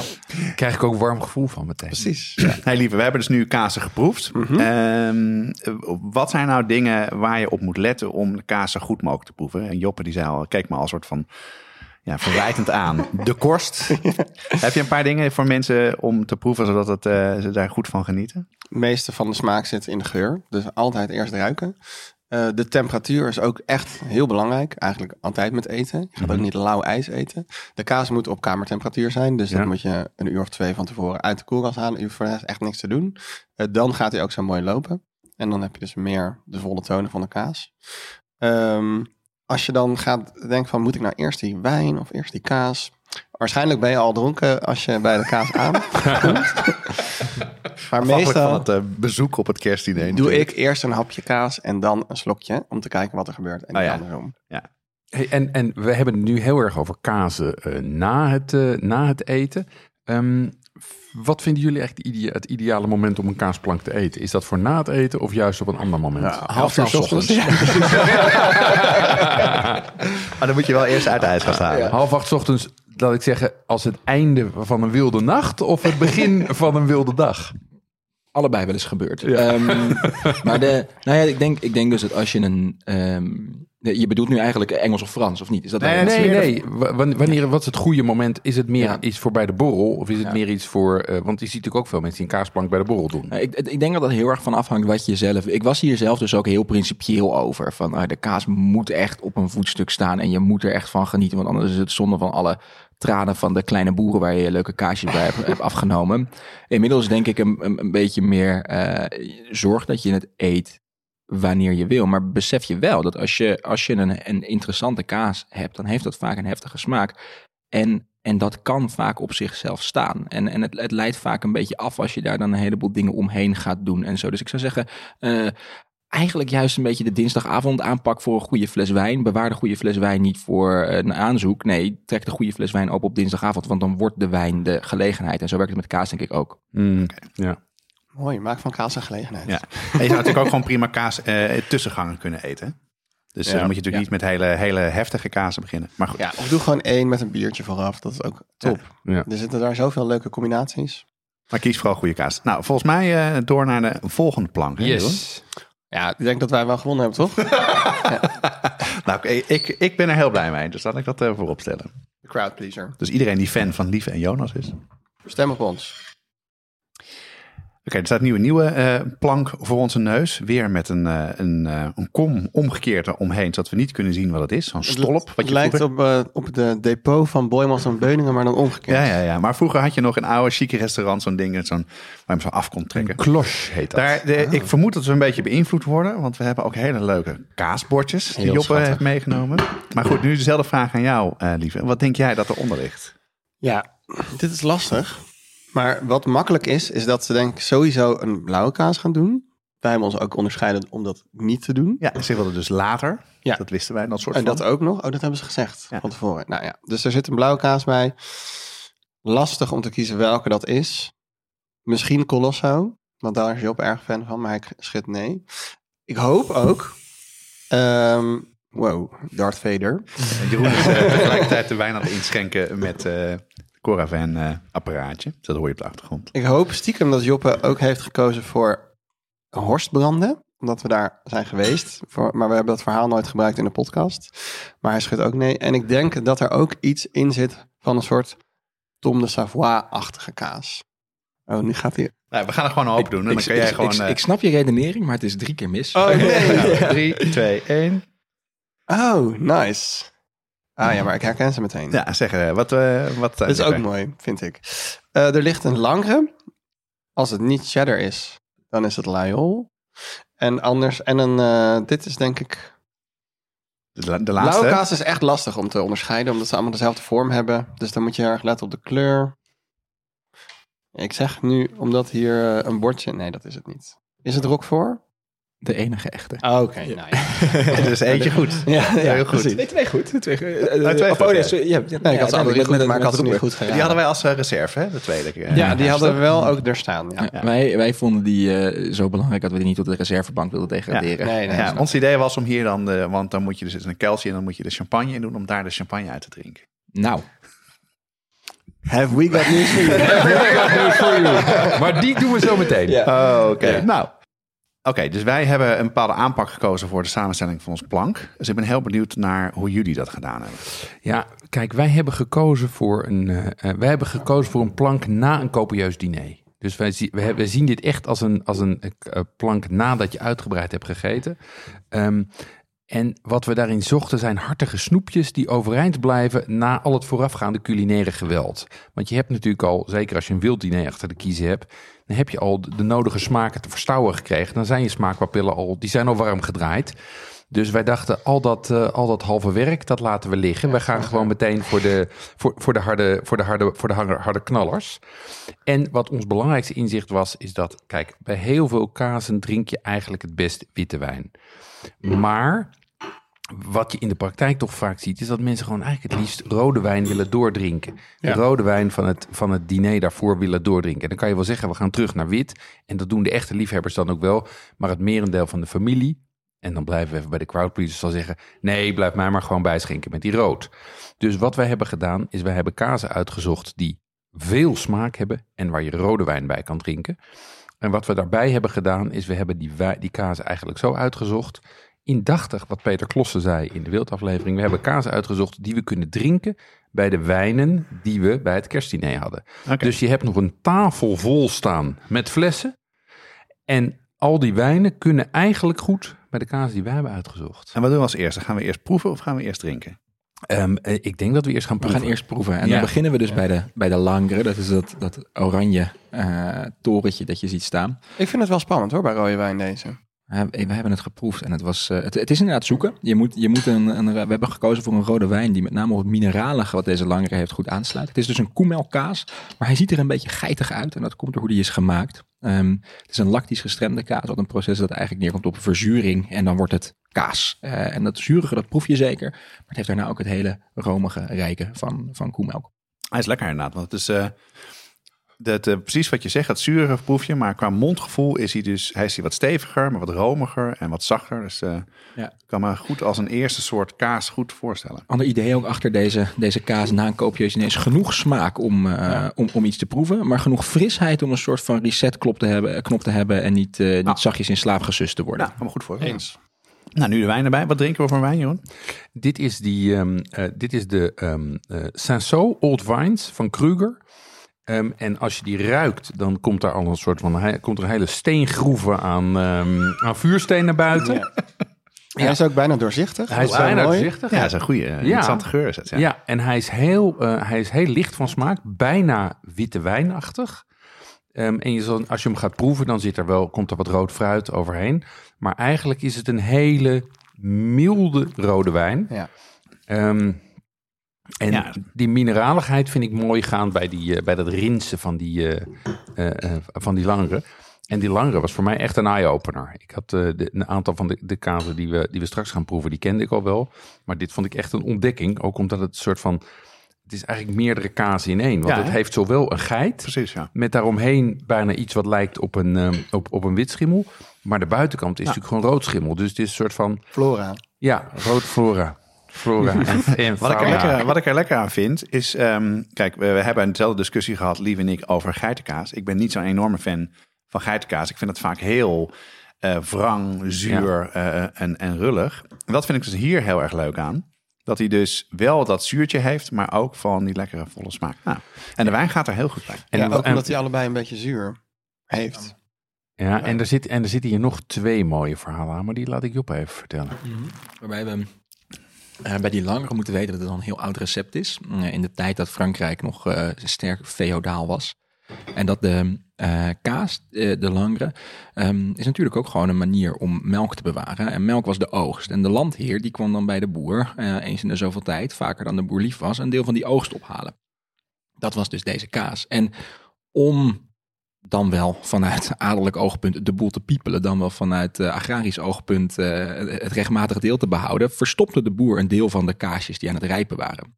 En bij een zachte kaas is het dus zo dat je die elke twee dagen moet keren om te zorgen dat die niet instort, niet uitzakt. De langere die stond ergens ver weg in een soort vergeten schuur waar de, waar de, waar de edelman niet kijken kwam. Dus die zakt in. Hij wordt rijp, de buitenkant wordt zacht en smeuig, de binnenkant die blijft ietsje steviger en die zakt als het ware door de zachte buitenkant heen. En daar komt het mooie deukje eh, in de bovenkant vandaan dat men in Frankrijk de fontaine noemt. Al heb ik ook wel eens iemand fontanel horen zeggen. Ik weet niet of ik dat, Dat dan macaber vind toch? of ja. Ehm eh, buitengewoon fotogenieke kaasje dus ook. En dit is dus typisch zo'n kaas die je ook gewoon in haar eentje op een plank kunt zetten en dan is het leven goed. En daar hoort nog een, een natte kaasdroom bij. Ja.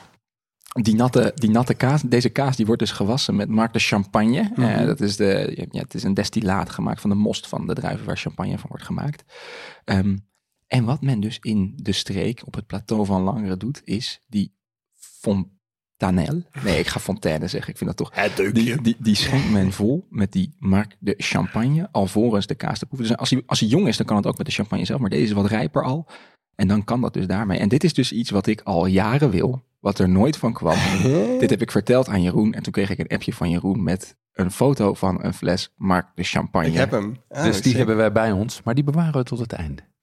Onze volgende kaas dan? Zeker Ja, weten. Ja. Hoe, eh, hoe heet die, Jeroen? De, eh, ja, ik zei Laguiole. Ja, ik zei dat dus ook. Eh, Naar de messen. Eh, toen, ik dus, eh, toen ik dus nog maar een klein, eh, een klein kaasboertje was, toen ging ik kaas brengen bij eh Bordewijk, helaas nu gesloten. En toen zei de chef, ehm, waarvan ik begrijp dat jullie ook in het, eh, in het wildmenu eh, en eh, ja, dat jullie daar schatplichtig gaan zijn, die keek mij aan. Hij zei nog net niet, jij bent nog nat achter de oren. En hij zei, het is Lajol. Hè? dus het is de Lajol, de, een groot deel van, eh, van, van de letters vervallen. Wat voor een kaas is dit? Het is een, eh, een, een harde eh, kaas uit eh, nou ja, de, de Lajol, die streek. Ehm, en eh, dus dat is eh, zuidelijk Frankrijk, eh, ongeveer in het midden, eh, denk ik. Ehm, het is een kaas die op een hele interessante manier wordt gemaakt, heel anders dan heel veel harde kazen. Eh, namelijk dat de wrongel, dus dat is de kaasmassa voordat het de kaas is, niet wordt gespoeld met heet water. Dat wordt bij bijna alle harde kazen wel gedaan, dan wordt het één platte koek. Eh, bij deze kaas laat men, eh, ja, men knijpt de boel wel een beetje uit, maar spoelt niet met heet water. En daar blijft een deel van de wei, eh, vocht eigenlijk, achter in de kaas. En hechten de, de, de brokjes wrongel wat minder aan elkaar. En daardoor is de rijping heel anders. Er is veel meer melkzuur over in die kaas, dat proef je ook heel duidelijk. En een groot deel van die rijping gebeurt eh, juist in nabijheid van zuurstof, waar dat bij andere kazen een no-go is, want dan gaat die alle kanten op. En dat maakt deze kaas bijzonder complex. Je hebt een zuurtje, tegelijkertijd een hele uitgesproken hartigheid. En dichter bij de korst wordt die stalachtig, nootachtig, eh, Ja. grotachtig. Je ziet het ook in de, als je gewoon een plakje hebt, dat het echt verkleurt bijna aan de binnenkant. Ja, van binnen naar buiten. Dat Ja. hart van de kaas is anders, ja. Ja. Nou, wat ik er heel erg, echt heel erg lekker aan vind, is dus de structuur van de kaas. Hij is dus tussen hard en zacht in. Ehm, als hij de goede temperatuur heeft, zoals hij nu is, dan, eh, dan is dat dus heel prettig om op te eten. En zeker een mooie stap naar, naar de vorige kaas die jullie gekozen hebben. Ja, en dat is wel interessant, want we hadden deze, wij zijn, eh, we hebben echt moeten zoeken naar deze, specifiek deze Lajol, want we hadden eerst een andere. En toen wij aan het voorproeven waren, toen was de structuur niet zo goed. Oké. Hè? Die was, Wat en- was er dan anders? Mm. Soms heb je bij dit soort kazen, omdat die wat fletser is, een beetje elastisch. Ehm, Ja. Dat elastische dat gaat dan gepaard met een soort van rubberigheid in de smaak. Die Ah, je ja. misschien van Nederlandse kaas die je te lang in de koelkast hebt laten liggen. En dan het stukje dicht onder de korst. Ja, Er zit een bepaalde smaak en dat had die kaas eigenlijk door het hele wiel heen. Mm. Het kan aan een boel dingen liggen. Het sluit wel aan bij een, eh, een ding dat belangrijk is om bij kaas te doen. Eet hem op het juiste moment in het jaar. Eh, dat is zeker bij kazen die, eh, die op enige hoogte worden gemaakt ontzettend belangrijk. Eh, je moet het gewoon in de zomer eten, want dan staan de beesten buiten. Of je moet kaas eten die in de zomer is gemaakt, want dan staan de beesten buiten. Eh, eten ze bloemetjes, eh, bijtjes, eh, kruiden. De melk is dan ontzettend lekker. En eh, daar krijg je dus ook ontzettend lekkere kaas van. Op het moment dat je net een beetje aan de verkeerde kant of de, de, de, de schouders van het seizoen zit eigenlijk, kan een kaas al veel fletser zijn. Oké. Heb je de wijn er al bij geproefd? Even kijken, welke? Dit is, herken- die herken oh, ik. nee, die, Dit is, die, ook dit, is ja. dezelfde, dit is dezelfde wijn die jullie ook schenken. Dat is die ehm eh, eh, Dominio de Bornos, dus een Ribera del Duero.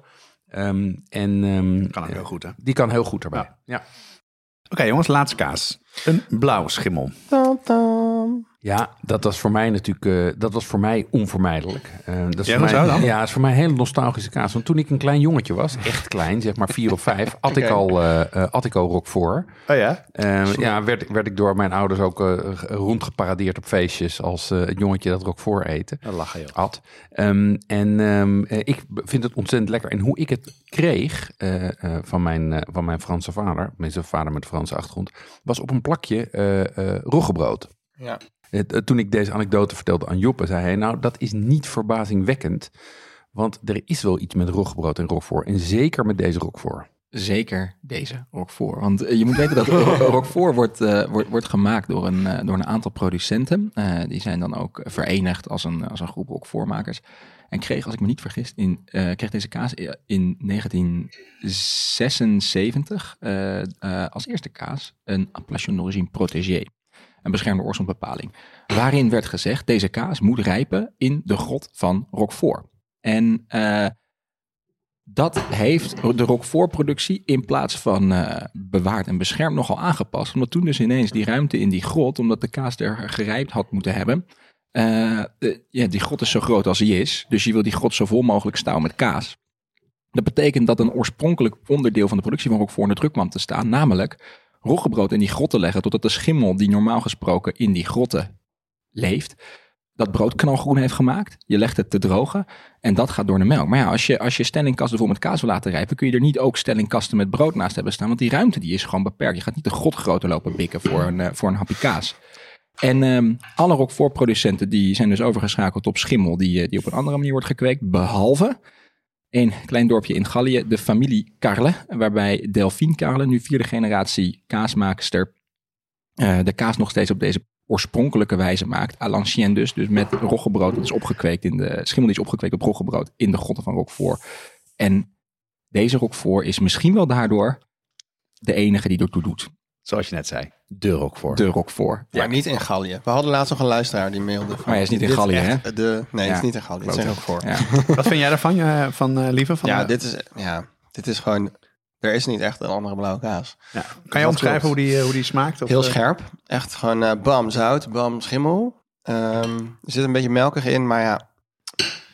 ehm, de, de zout overheerst wel. Dus Ja. dit, ik ben ook, ja, je moet hier echt een knallend rode wijn bij hebben. En ik zie wat er uit de fles komt, is best wel licht van kleur. Dus daar ben ik heel benieuwd naar. Eh, er zijn ook hele leuke YouTube-filmpjes, als je nog nooit zelf er ook voor bent geweest, zoals ik. Dan zijn er echt leuke YouTube-filmpjes om die van te mij? bekijken. Nee, dit is mijn glas, geloof ik. Chaos. Ehm, Sorry. Waarbij je dus, ja, het zijn een soort kerkers waar die kazen liggen. En, In ja, Grotten, toch? ja. maar ze hebben ook een hele grote fabriek om de kaas zelf te maken. Eh, tip op YouTube. Zoek een Roquefort video. Nou, zullen we ook de show notes zeggen. Zet. Ja, en wat, wat ik bijzonder vond aan deze Roquefort, want ik ben dus nogal een Roquefort-liefhebber, is dat ehm, eh, hij is retronasaal. Oh. Oftewel, als je, Ja? hem, als, je hem uitna, als je uitademt door je neus, dan proef je echt de schapen, eh, het, het schapenstal. Dan is hij echt, komt hij heel erg, eh, en dat vind ik wel lekker, want dat heeft zeker ja. aan het eind, dan is het ineens, en het begint heel mild, en dan dat zwelt aan, zeg maar. Bijna zoals umami op een gegeven moment 15 of 20 seconden nodig heeft om te doen, begint dit ook ineens, sta je gewoon ineens in het schapenstal. Grappig zeg. Dus, Ja. als je, dus, dus je eet een kaas en dan blaas je uit door je neus. Ja. En dan probeer je te concentreren wat je ruikt. Dat klopt inderdaad. En dat is ook wel een gemene deler tussen de drie kaas op deze plank. Dat je, dat je dus kazen hebt met, met niet, alleen, niet alleen op de plank dus een groot verloop. Want we gaan echt van een behoorlijk frisse kant van een, van een, van een redelijk volwassen kaas spectrum naar de echt pittige kant. Maar in die kaas zit dus ook een verloop. En ik heb zelf maar een borreltje te veel was. Wat er gebeurt met deze roek voor beschreven als je neemt een hapje en dan hoor je in de verte een lammetje mekkeren. En als je drie keer kou niet oplet, dan sta je ineens midden tussen de schapen. En, en dat, is, dat is wat deze kaas zo ongelooflijk lekker en mooi maakt. Ja, en, en de wijn hierbij is ook interessant. Ja, dan wil ik Ehm, even een vraag afstellen. ja. Want eh, dit is dus, vind ik dus het allermoeilijkste. Ik kan me dus voorstellen, als je dan toch port drinkt, dat je dat dan wel met een blauwschimmel zou kunnen drinken. Ooit misschien. Maar wijn bij een blauwschimmel lijkt me echt heel moeilijk. Hoe heb je dat aangepakt? Kijk, eigenlijk klassiek is dan voor zoet te gaan. Eh, voor port of voor een sautern of zoiets. Doe het Ja. niet, mensen. Nee, nou ja, ik vind, ik vind met een sautern vind ik die combinatie echt wel lekker. Want dan krijg je die, die, zet je die spanning tussen dat zoet en dat zout. Ehm, maar wij wilden hier juist rood doordrinken. En we hebben eigenlijk de hele, we hebben alle rode wijnen van de collectie doorgeproefd. Eh, en die zijn alle, dat is allemaal te, dat, die, die trekken het gewoon niet. Die gaan allemaal onder. Dus nu hebben we het over de andere boeg gegooid. Toen hebben we gezegd, dan gaan we juist voor licht. Ja. Dus we hebben gekozen voor een, eh, voor een Vernatsch. Ehm, eh, die zit ook in de wijnbox. En dat is eigenlijk een, een, dat is de eerste rode wijn. Dat is een Italiaanse rode wijn uit Zuid-Tirol. En die is heel licht en dartel. En die is ook, zeg maar... Die geeft, die geeft zich gewoon over aan de... eh, die is gewoon volledig submissive voor de, voor, voor de blauwe Ja. kaas. Die zegt, Deze weet wordt je... genomen door het schaap. Ja, En dat is lekker. Als ze op een afstand staan, maar niet als je midden in de kudde staat. Ik vind het dus echt een, een uitvinding, omdat eh, je begon dus met wat, wat Peter Klossen zei. De, de wijn is er, daar bouw je het gerecht omheen en pas je het gerecht op aan. Maar hier heb je het omgedraaid. Ja. Hier heb je de kaas genomen en een wijn erbij gepakt die van heftigheid afneemt, maar toch blijft staan. Dat vind ik echt heel knap. Ja, en ook weer veel zuren, wat ik niet erg vind.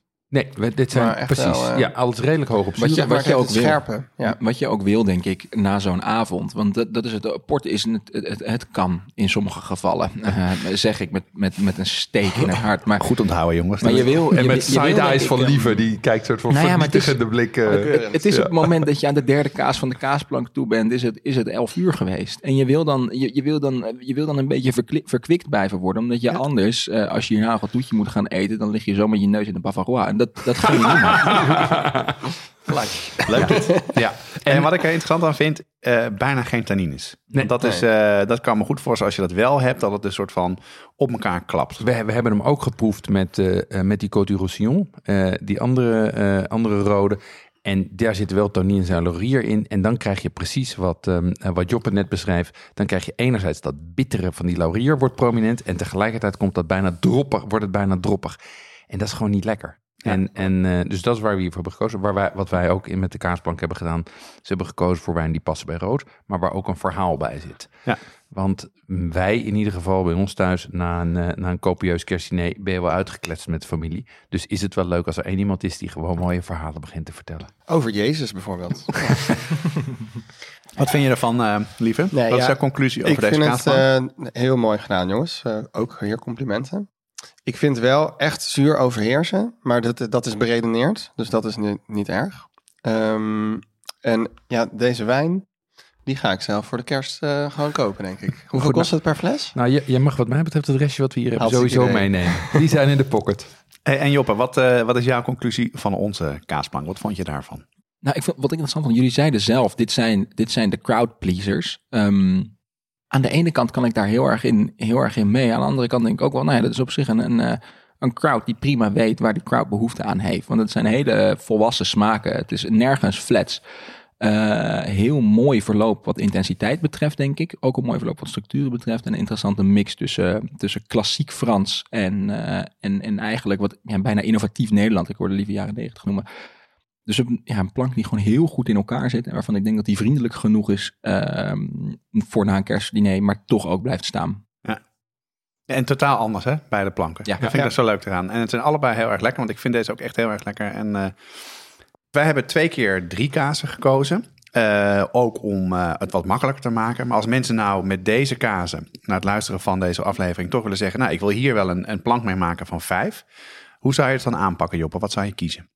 Ehm, wat ik zou doen, denk ik, is er één kaas uitgooien. eh, omdat die het narratief een beetje verstoort, hoewel die erg lekker is. Eh, dus de, de geitenkaas zou ik Ja, laten voor wat er doorheen. Ja. En eh, ik zou dan beginnen met de Langre, dan de Coulommiers, dan de Epoisse, dan de Layol en dan de Roquefort. Waarbij als je dat thuis gaat doen, het belangrijk is, proef eventjes een stukje van tevoren. Want de rijping van die kaas onderling, met name die Langre en die Epoisse, dat kan echt nogal de een of de andere kant opvallen. precies. dan moet je misschien wat schuiven in de volgorde. Ja, ja. En ik heb, ik heb nog even een andere curveball.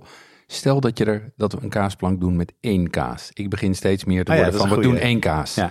Welke zou, ben ik wel benieuwd, welke jullie zouden kiezen als die ene kaas die er sowieso op moet? Ik zou voor het toetje één kaasplank met een Langre eten en na het toetje één kaasplank met alleen Roquefort. Die springen er misschien het meeste uit.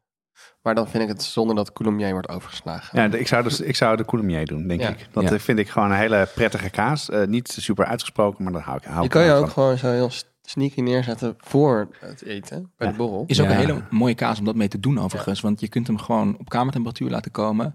En je snijdt hem aan en dan zwemt hij uit zijn jas. En dat vindt iedereen aan tafel ook prachtig. Ja. En jij Jeroen, wat zou Ja, ik, kiezen? ik zou, ehm, eh, als ik ongeacht context, zou ik voor die langere kiezen. Omdat dat toch eigenlijk meerdere kazen in één zijn. Voor mij echt de ontdekking was. En dan zou ik inderdaad in maar de champagne erop gooien. Ehm, eh, als ik een beetje afhankelijk, als er daarna iets eh, met fruit of zo zou komen, dan zou ik me kunnen voorstellen dat ik wel voor de, voor de Roquefort ga. Maar dat is gewoon omdat ik het zelf een onwaarschijnlijk lekkere kaas vind. Rijpheid, daar hadden we het net al een beetje over. Eh, misschien is het goed om daar nog even wat langer bij stil te staan. Omdat het toch wel, in mijn ervaring merk ik ook wel, dat het echt een heel erg groot verschil maakt. Ehm, hoe zit het daarmee, eh, lieve? Ja, wat makkelijk is bij kerst, is dat eigenlijk alle kaasproducenten zetten vol in op kerst. Want dat is gewoon de periode dat het al het meest verkocht wordt. Oké, Dus bij kerst hoef je niet zoveel zorgen te maken. Eh, dan is meestal alles helemaal rijp. Ehm, in de rest van het jaar moet je dus eigenlijk heel goed letten op seizoenen. Maar dat weet je kaasboer, want kaas is een levend product. En die is daar elke dag met zijn handen mee bezig. Dus doe niet eigenwijs. Vraag het gewoon. Eh, dat doe ik zelf namelijk ook altijd. Dus, Oh ja? ja, wat moet er, ik als ik ga het vanavond eten, wat moet er nu weg? Want dan weet ik dat is het lekkerst op Oh dat ja. moment. En je hebt ook iets wat, ehm, wat affinage heet met kaas. Hè? Dat eh, Ja. volgens mij ehm, een kaas van een kaasboer komt en dan ergens wordt neergelegd. Eh, kan, je, wat, kan je dat uitleggen, Joppe, wat dat is en hoe belangrijk dat is? Nou, het is, het eigenlijk is kaas maken een, eh, een, een meer dan fulltime baan. En kaas rijpen is dat ook. Dus dat doet de boer vaak niet zelf. Dus eh gaat naar grote, grote ja, rijpingszaken, affineurs. Ja. En die zorgen er eigenlijk voor dat de kaas op het juiste moment de juiste rijping heeft. En dat is dus ook vaak een kwestie van smaak. Want eh, zeker geitenkazen kun je of heel jong en fris eten... of juist demi-sec, echt eh, half ingedroogd en, eh, en, en, en, en knallend. En zo is het eigenlijk met een heleboel kazen. Een een kaas is kan perfect rijp zijn, maar dat is soms ook nog steeds een kwestie van smaak. Je kunt het bijvoorbeeld bij een eh eh, lekker vinden als hij nog net een beetje een hartje heeft, eh, en, eh, dat iets steviger is. Er zijn Ja, mensen die ja. dat lekker vinden. Dus, dus dat is ook zeker de moeite waard om, om, om gewoon een keer ja, naast elkaar is vaak nu iets. lastig. Er gaat nu drank over de kaas. Het wordt een soort plasje. Dat is het idee, toch? Ja, ja. Het is, het, is, het is jammer. Het deukje is, het deukje, we hebben natuurlijk Ja, aangesneden. Het deukje is. Ja, moeten we eerst moeten doen. Oké, tegelijkertijd, eh, nou, terwijl eh, Joppe over de Avinage aan het praten was, heeft Jeroen een fles opengetrokken met Marc de Bourgogne. Mark de champagne. Oh, Marc de Champagne, ja. Marc de Bourgogne. Ik zal ik zo uitleggen waarom dat in mijn hoofd zit. Eh, en dat is over de kaas heen gegaan. En eh, nu gaan we proeven dus zoals de boeren dat, eh, dat vroeger deden, toch Joppe? Dit is jouw, eh dit is jouw dus- wens, dit. Nou, wat, wat, dus, wat dus wel grappig is, is dat het heel vaak gebeurt dat kaas wordt gewassen met iets anders dan zoutwater alleen. Een gewassen korstkaas, daar heb je zoutwater voor nodig om die rijping goed op gang te brengen, die bacteriegroei te stimuleren.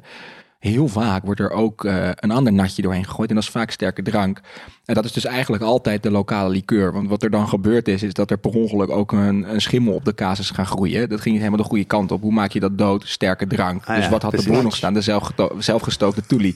En, en dat is eigenlijk wat wij hier nu tot een soort culinair extremis verheffen. Het ziet er wel uit alsof iemand over de kaas heen heeft geplast. Maar dit, is de, dit is de, dan de natte droom van Joppe. Dus, Dit is de lange met, een, eh, met daaroverheen een stukje eh, maar de eh, champagne. Heb jij al? Ik heb al gehad. Ja, deze is voor jou. Ja, Dan mag er nog een beetje dipsaus. ja je mag ook nog een beetje, een beetje dubbel dipping. nou, ik was hier al een beetje bang voor. Wat vind je ervan? Joppe? Ongepast, maar wel lekker. Ja? ja. En jij Jeroen? Ik vind het lekker. Het, is, het, het combineert goed. Ehm, ik denk overigens dat het voor- had voor mij niet zoveel uitgemaakt of het maar de Bourgogne of maar de champagne of, of grappa was geweest, bij wijze van spreken. Het is gewoon die combi van zo'n van zo'n zo'n stevig kaasje met een eh, met, met sterke drank die een, eh, die een kick geeft, is eigenlijk ook wel lekker. Ja, ja wij hebben de- deze zoektocht ook gehad. Eh, want wij dachten inderdaad, eh, de Epoisse wordt dus ook gewassen met eh Marc de Bourgogne. hè, Vandaar de, mijn spraakverwarring net. Dus wij dachten, we gaan dat samen eh, proeven. We hebben bijvoorbeeld Jenever geprobeerd. We hebben Calvados geprobeerd. Het was nog lang al rustig. En dat was, dat was gewoon, ja, wat, wat, wat, wat lief, wat vond je ervan? Het was, ja, hier doop je de kaas echt in die drank. En dan, Dat is anders, hè? Ja. Dat is wel anders. Wij deden gewoon zoals je het met wijn doet. En dan is eerst gewoon door die sterke drank is je hele tong zo in de war. En dan ga je nog de kaas proeven en dan slaat het nergens op. Ja. Ehm, alleen ik heb nog nooit gehoord dat ze de drank over de E-plas gieten voor, en een plasje met kaasplas. Ja, dit, dit is dus een stuk milder dan als je later gewoon zo'n eh, zo'n eh, drankje erbij drinkt. Dus wij hebben het gedacht, nou dat is een leuke combinatie, maar dat, eh dat eh, werkt niet. Ja, en Dus- deze is ook wat lichter. Dat is een leuker contrast met de drank dan een heel intense kaas. Ja, dat is Ja. waar. Ja. Ja. Nou, experiment geslaagd, hè, Joppe? Ja. Mooi, dan krijg jij die fles uh, Marde Champagne eh, mee. Zijn we die ook kwijt? ja, wij kunnen zelf natuurlijk wel heel eh, blij zijn met onze, met onze plank aan deze kant van de tafel of aan de andere kant van de tafel. Maar de belangrijkste vraag is natuurlijk, wat vinden de luisteraars daarvan? Wat we heel erg graag willen dat je doet, is dat je naar de site gaat. En daar is een formulier. Ehm, en dat formulier, dat staat ook in de nieuwsbrief als je aangemeld bent voor de nieuwsbrief. En daarin kan je dus kiezen voor team eh, Jonas en Lieve. Team Jonas en Lieve. Woep, woep. Of eh, eh, team Bril aan de overkant. Let's go. Nerd. nee, goed, de, de kaas zullen we erbij zetten. We zullen ook wat foto's eh, wat van de kaas erbij zetten. Of illustraties, zodat je hem ook kan herkennen in de kaaswinkel. En ehm, je hebt geluisterd. Dus eh, kies in ieder geval als eerste welke plank je zelf zou willen serveren. En het lekkerste vindt met kerstdiner. En tegelijkertijd kan je ook de kazen selecteren. Dus dan komt er een, een, een kaasplank uit van drie kazen. En dan kan je een beetje mixen en matchen. En voor degene die dat doet, eh, daar eh, verloten we twee prijzen onder. Ja, daar hebben we twee pakketten van Hendrix mee, waar je de Perfect Surf mee kan maken. Daarin zit de fles Hendrix, glazen, een komkommerplantje en een komkommersnijder. Eh, Joppe en Lieve, hebben jullie nog wat afsluitende tips voor mensen die kaas eh, met kerst gaan eten en kopen? Haal het op tijd. Ehm, een vraag aan de kaasboer. Wat is er met kerst geweldig rijp? En als de kaasboer zegt ja, alles. Dan zeg je ja, maar ik wil het meest loperige, eh, pikante, sprankelende kaasje waarvan je denkt, ja, die moet ik echt hebben. Haal die gewoon. Haal er niet te veel. Eh, en hou voor jezelf een stukje apart. Voor als iedereen naar huis is en de vaatwasser draait, dat je dan nog eventjes echt kunt genieten. Doorkazen. Ja, nee, op tijd halen, dat is wel de tip. Dus je kan echt makkelijk een week van tevoren die kaas van in de koelkast zetten. Ja, maar dan stinkt het zo. Oké, dan zet je het op je balkon of zo. Maar eh, doe gewoon even niet zo stressvol. Doe niet zoals alle andere mensen. Wees wijs. En haal hem op tijd uit de koelkast. Ja. Doe dat wel. Ja, eh, ja, koud houden, warm maken. Nou, zo en- is het. En verder denk ik dat deze podcast genoeg tips geeft over wijnen die je erbij kan drinken en hoe je het kan, eh, kan eten. Eh, Joppe en Lieve, het was weer een genoegen. Dank dat jullie erbij waren. Dank voor alle verhalen en alle kennis over kaas. En ik hoop dat de luisteraar daar ook wat aan heeft om een hele goede kaasplank te serveren tijdens het kerstdiner. Heel veel dank voor de uitnodiging. Ja.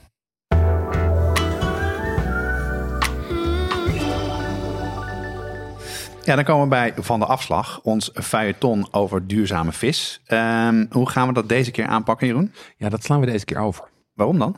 Eh, eigenlijk omdat eh, paar redenen. Het ene is kaas en eh, vis is geen optimale combinatie. In. Italië mag het niet. Het? Mag het ja, niet? nee? Nee? nee, daar is het. Als je daar pasta hebt met, eh, als je pasta hebt met seafood, dan doe je daar geen parmezaan op. Nee. Dat is echt, als je ruzie wil hebben, moet je dat doen. Ja. Ehm, en wat ook wel meespeelt, is dat eigenlijk, ik had het daarover met de jongens van, eh, van Woordvis, die zeiden, er is rond de kerst zo'n ontzettende vraag naar vis, dat de prijzen zijn hoog, de kwaliteit is onvoorspelbaar, want je moet eigenlijk toch altijd, vaak halen mensen al twee of drie dagen van tevoren halen ze het en dan ligt het al een tijdje. Dus eigenlijk is eh, eh, eh, vis met kerst eigenlijk niet zo'n heel goed idee. Duur, kwaliteit niet goed en het mag niet van de Italianen. Dus in het nieuwe jaar komen wij terug bij de vengeance. Oké, hartstikke goed. Oké, dan komen we aan het einde. Nog heel even kort over de brigade. Ehm, het leek ons leuk om een beetje een doorkijk te geven over het nieuwe jaar. Wat voor afleveringen we gaan maken. Er zijn een paar onderwerpen die we alvast kunnen delen, Jeroen. Ja, we hebben in ieder geval op de rol staan eh, veel gevraagd pannen. Ja, zeker. Eh, eh, tofu, passend bij, eh, Nice. bij eh, januari. ja, vind ik en, heel leuk. eh, en aflevering over macarons. Ja. Dat wordt eindelijk weer eens een zoete aflevering. Wij zijn nooit zo van het zoet, maar we gaan, eh, we gaan ons wagen aan de macarons. De Ja. ver- die verraderlijk ingewikkelde bakseltjes. Ja, er wordt veel proef gekookt.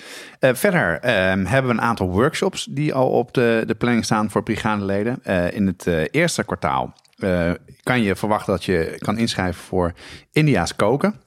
Je ontvangen daarvoor alle informatie via e-mail. En we zijn bezig met een workshop over hoe je kan starten met fermenteren. Ook ontzettend leuk om te doen. Ja, we hebben een aantal leuke nieuwe winacties eh, in de pen zitten. Ehm, we gaan eh, van start, eindelijk van start met onze kookboekrecensies. Ehm, en er komen natuurlijk weer aantrekkelijke kortingen aan. En we hebben ook weer nieuwe leden, zoals Mark Minkman, Erik van Rijn en Thijs van Ballegooien. Esther Meijer, Willem, Remy, Arjen Wachterveld. Ro van Liebenstein, Patrick Wagenmakers en Stijn Stasens. Sophie Bakker, Simon de Wit en Carolijn Hawinkels. Dank voor jullie donatie. Ja, en we hebben weer eens uh, wat leuke reacties ontvangen die we graag met jullie willen delen. Zoals deze. Foodie en vriend zijn fan. Als foodie, Fab kookt, is het geweldig inspirerend om naar deze podcast te luisteren. Elke keer leer ik wel iets over koken of krijg ik inspiratie voor nieuwe gerechten. Maar ook mijn vriend, die minder een kookfanaat is, is fan. De podcast luistert heerlijk weg en het water loopt je in de mond. En een tweede, eh, met als een goede titel, een hele dikke knaller. Wat een waanzinnig fijne podcast. Deze twee toppers sluiten precies aan bij de gesprekken die ik heb met mijn vrienden over eten. In het kader van een shout-out naar Geef deze podcast door aan iemand anders, ben ik Marnix Roskamp Abbing heel dankbaar voor het gebinged de afgelopen tijd. Je upgrade je basis en daagt avontuur in jezelf uit. Nou, hartstikke leuk. Die is van Tim Knobens. Blijf reviews geven via Apple Podcast, want ze zijn zo leuk om te lezen. Elke twee weken op donderdag staat er een nieuwe aflevering klaar. Meld je op de site aan voor onze nieuwsbrief. Zodra er een aflevering live staat, ontvang je een e-mail met alle recepten en andere interessante en leuke informatie. Deze aflevering wordt gemaakt door Jonas Nouwen, Jeroen Doucet, Joppe Gelderloos en Lieve Heremans. Het team bestaat uit Corianne Straathof, Annie Tazelaar, Paul Veldkamp, Cato van Paddenburg en Jesse Burkunk. De muziek is gecomponeerd door Nico Brandsen en Ton Dijkman en uitgevoerd door Mel en Vintage Future. Reacties kun je sturen naar jeroen.watschaftepodcast.nl of jonas.watschaftepodcast.nl. Of stuur een DM via Instagram, Facebook of Twitter. Uh, dan wensen we jullie een goede en een hele smakelijke kerst. En een heel goed uiteinde van het jaar. Tot de volgende keer en tot in het nieuwe jaar.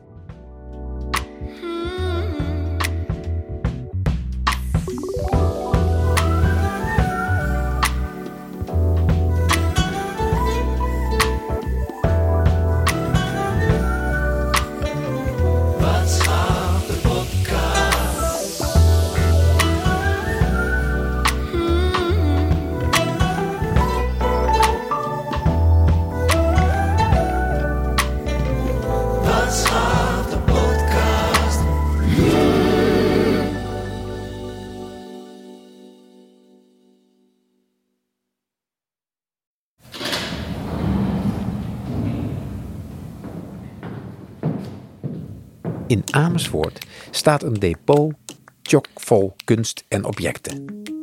Spullen die belangrijk zijn voor Nederland. Heel veel schilderijen en sculpturen, maar ook lampen, wandtapijten, een bank van gispen, een broek van Fong Leng. Net een distributiecentrum. De werken komen en gaan. We zijn in de Rijksdienst voor Cultureel Erfgoed Het is natuurlijk een idioot schilderij waarbij je uh, met al zijn beschadigingen en vooral die ene man zonder hoofd uh, afvraagt: is hier een wraakactie geweest of wat is er hier aan de hand? Was die man zo gehaald dat uh, die weg moest? Dus dit is de afbeelding en je ziet, deze wow. is echt gewoon wow. weggefotoshopt of zo, ja. maar dan geschilderd. Oh, dat is gruwelijk. Ja. Wie wat bewaart, heeft wat. Maar wat bewaar je en waarom? Arthandlers, ja zeker. Dat zijn, dat zijn geen verhuizers, dit zijn arthandlers. Die lopen vaak met Van Goghs en Rembrandts en vandaag lopen ze met beschimmelde doos. Ja. Hans, waar gaat hij heen? Linksaf de quarantaineruimte in. Er zijn spullen, uh, het kan net zo goed uh, de tweede kamerstoel zijn of de, de voorzitterstoel. Antiek, een schilderij die hangt bij het ministerie en zo. Dat, dat wordt ook allemaal opgeslagen. Maar het zijn oude spullen, antieke spullen. Het kunnen ook moderne spullen zijn. Dus het heeft waarde of geen waarde, het, hangt er niet vanaf. Dit zijn lampen. In de podcast Wie wat bewaart nemen we je mee het depot in en reizen de kunstwerken achterna die in en uitgaan. Als een soort audiotour langs objecten met bijzondere verhalen en plekken waar je niet snel komt.